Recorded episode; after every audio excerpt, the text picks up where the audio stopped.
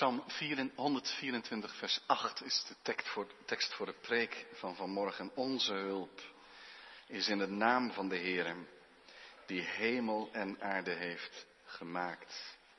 Gemeente van onze Heer Jezus Christus. Ieder mens heeft hulp nodig, of hulpbronnen. Mensen bij wie je terecht kan. Ga maar na als je opeens het heel moeilijk hebt. Je hebt advies nodig, hulp nodig. Bij wie ga je te raden? Je hulp, dat is je houvast. Psalm 121 zegt, ik sla mijn ogen op naar de bergen van waar mijn hulp komen zal. Mijn hulp is van de Heere die hemel en aarde gemaakt heeft. In Psalm 124, vers 8 komt het ook terug. Mijn hulp is, onze hulp is in de naam van de Heere. Waar mensen, zeggen we, hun hulp ook vandaan halen. En we hebben soms hulp nodig. Nu zitten we eens een keer op de spoed. En dan heb je dokters of experts nodig. Of mensen die een helpende hand toesteken. Dat is allemaal belangrijk. Maar wat is het belangrijk om dit ook te kunnen zeggen? Boven alles uit, onze hulp is in de naam van een eeuwige God die we niet kunnen begrijpen. Waarvan we geloven en beleiden dat Hij de hemel en aarde heeft gemaakt.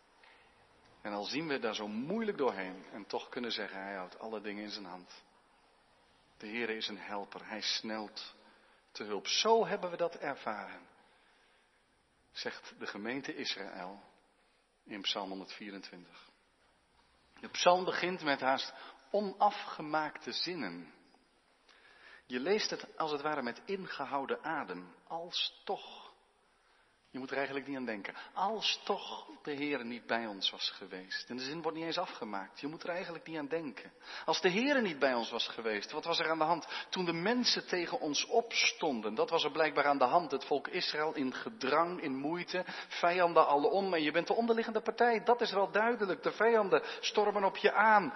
En dan zegt vers 3 en 4 en 5, drie keer dan, dan, dan. Hadden ze ons levend verslonden als roofdieren een prooi te pakken krijgen. In toorn, in woede kwamen ze op ons af. En we waren niet sterk. In vers 4 verspringt het beeld. Eh, zie het maar voor je, een beekje waar je rustig in kan spelen, totdat ergens de sluizen worden opengezet en het opeens een kolkende massa wordt. Een tsunami zou je kunnen zeggen. Het had ons overspoeld. De wateren zouden over onze ziel, dwars over ons leven gegaan zijn.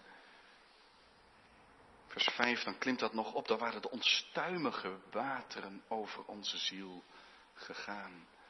In vers 1 staat dan, zeg dat toch Israël. Je moet dat beleiden hoor. Je, ziet als het ware dat hele tempelkoor, als het, ja, of, of, de pelgrims onderweg die dat zingen. Ze zingen het ook elkaar toe. Ze zingen het voor God, maar ze zingen het ook elkaar toe. En dan zeggen ze eigenlijk, blijf eraan denken en zeg dat toch Israël. Je moet het beleiden hoor. Want zo is het. Gaat het niet gewoon vinden. Voordat je het weet heb je een grote redding achter de rug en je gaat maar gewoon weer, weer door. We zijn er weer goed doorheen gekomen, mazzel. Als de Heer er niet bij was geweest. Stel nou eens dat je zelf die zin af zou moeten maken. Als de Heer er niet bij was geweest. Twaalf jaar geleden. Acht jaar geleden. Vier jaar geleden het afgelopen jaar. Als de Heer er niet bij was geweest, wat dan? En dan klinkt onze hulp is in de naam van de Heer, want Hij heeft ons gered. Wij leven omdat Hij er was. Geloofd zij God. Zegt vers 6. Geloofd zij de Heer die ons niet overgaf tot een prooi voor hun tanden. Onze ziel en dan komt er weer een ander beeld, beeldrijk psalm, is ontsnapt uit een klapnet waarin een vogelvanger een vogel vangt. Dan zeggen die zit in de strik, die kan niet meer weg. Maar vlak voordat hij er aankomt en die vogel in zijn knuist, in zijn vuist wil pakken, breekt de strik en die vogel is nog op het nippertje ontkomen. Ja, dan snap je wel dat daar staat onze hulp is in de naam van de Heer. Maar misschien, als je deze psalm zo leest, denk je, ja, het is aardig hoor om daar zo, zo'n beetje in het slotstuk van de coronatijd bij stil te staan, maar zo heftig is het voor mij niet geweest. Nou, voor u misschien niet, voor jou misschien niet, dat kan, dat hoef je niet te doen alsof dat wel zo is. Anderen wel hoor, die zijn door heel moeilijke tijden heen gegaan. Nou, misschien niet onstuimige water en vijanden, hoewel dat ook nog kan. Die wel door die onstuimige tijden heen gegaan. Die kunnen echt dit meemaken. Maar wat nou als je dat niet helemaal kan meemaken? Je hebt ook de coronatijd niet als zo'n grote ramp ervaren. Je vond het wel lekker rustig. Kan ook. En dan nog, hè? Dan nog. Mogen wij Psalm 124, vers 8 ons eigen maken? Want het is een slot van een vrij heftige psalm. Maar het is ook het begin van de kerkdienst. En dat is een heel oud gebruik. De dienst heeft echt een begin en een slot. We markeren dat. Om eigenlijk tegen elkaar duidelijk te laten weten van, het is heel fijn om even samen bij te praten. Doe dat vooral als je elkaar ontmoet. Zie elkaar, vraag naar elkaar. Als de dienst begint, dan voegen wij ons samen om, om God onder ogen te zijn. En dan spreken we iets uit, namelijk dat onze hulp in de naam van de Heer is. Dat is een totaal beleidenis, zou je kunnen zeggen. Daarmee zeg je, alles is nu op God gericht. En, en de, de, de, dragende grond dat we als gemeente bij elkaar zijn, is het offer van Jezus Christus. Maar ook onze beleidenis, dat wij ons bestaan alleen aan Zijn zorg, aan Zijn genade te danken hebben. En daarom spreken we aan het begin van de dienst uit, onze hulp is in de naam van de Heer. Ze ontstaan in de vroege kerk. Combinatie van wat teksten, hè? Waar deze centraal in staat. In de middeleeuwen sprak de priester het uit. Ik denk niet dat dat nu zo gebeurt, ik weet dat niet helemaal precies. Maar dat hij alleen door Gods hulp alles kon bedienen. Maar bij de reformatie is er toen iets gebeurd. Toen is er meer nadruk op de gemeente gekomen. De hele gemeente beleidt het. Sommigen zeggen, dat kun je dan ook beter omdraaien. Hè? Dat eerst de groet van Gods wegen klinkt. Genade is er voor u, barmhartigheid en vrede van God de Vader. Door Jezus Christus, onze Heer, in de gemeenschap van de Heilige Geest. En dat de gemeente daarop antwoordt met, dan zeggen wij, onze hulp is in de naam van de Heer. Dus sommigen draaien dat met inderdaad om. Nou, ik zou daar geen, ik zou het niet op de spits willen drijven, maar het is een wisselwerking. We zijn hier door Gods genade. En we zijn hier in de beleidenis, dat al onze hoop op God gesteld is. En eigenlijk is er wat voor te zeggen dat ik dat niet alleen namens u uitspreek, maar dat we dat samen zeggen. Wij beleiden.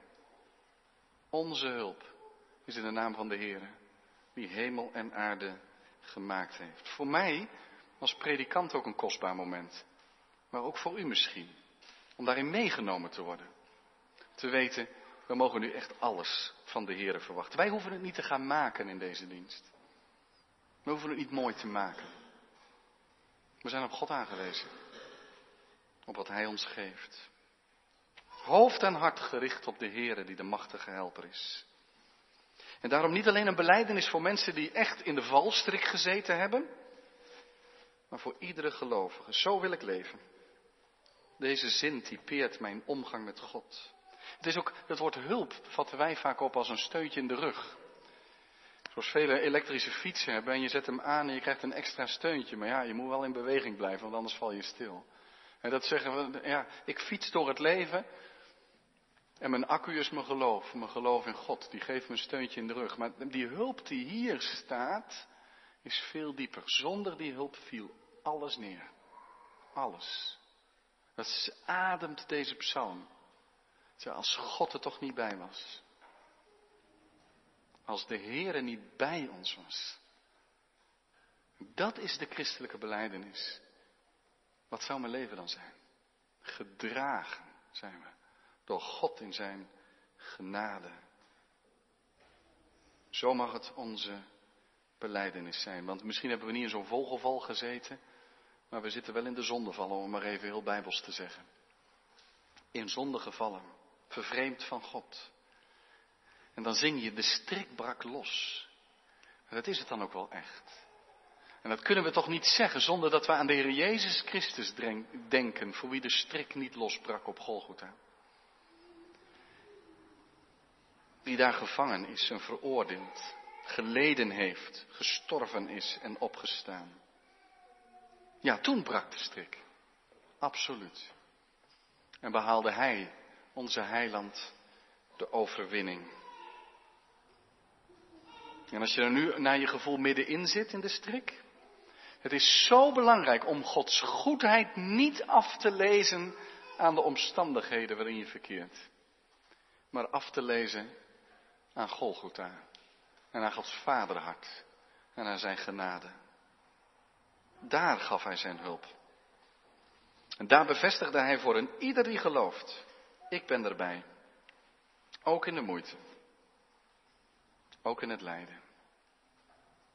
Ook in de kwetsuren van het leven. Dat is mijn naam. In de naam staat. En dan staat die verbondsnaam van de Heer er. Vaak vertaald wordt alleen maar hoofdletters. Jawel. Wordt het weergegeven. Letterlijk vertaald, ik ben erbij.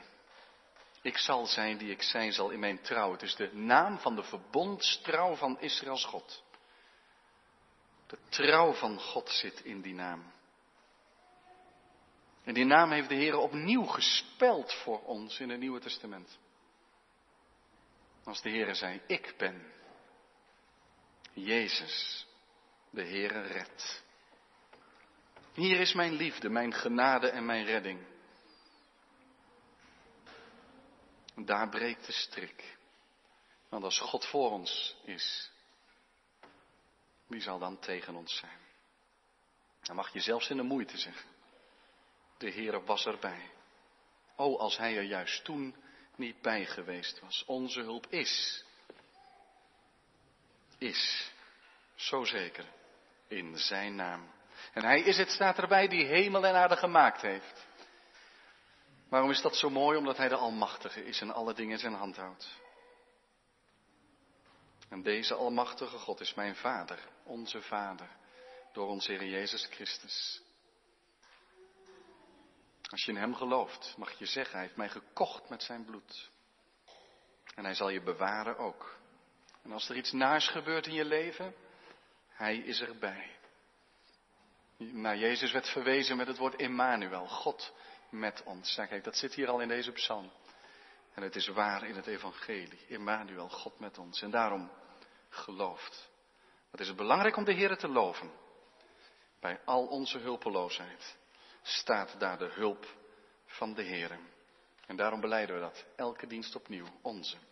Je mag mijn zeggen met Psalm 121. Maar het is ook goed om samen te komen als gemeente en dan te zeggen onze. Onze. Al kun je er zelf niet bij. Laat je maar meenemen door de rest. Onze hulp is in de naam van de Heer. De psalm houdt aan het begin de adem in, maar loopt uit op grote opluchting en op vertrouwen. Zeg dat toch. Laten we het ook tegen elkaar zeggen, steeds opnieuw. Laten we het blijven beleiden. Ons hou vast. De grond onder onze voeten is een eeuwige God die alles heeft gemaakt en die zijn liefde heeft getoond in Jezus Christus, onze Heer. In Hem vinden we vergeving en vrede met God. Wat geweldig rijk. Ook als we naar de toekomst kijken. Vanuit het verleden naar de toekomst. Om dat te zeggen. Onze hulp is in de naam van de Heer. Die hemel en aarde heeft gemaakt. Amen.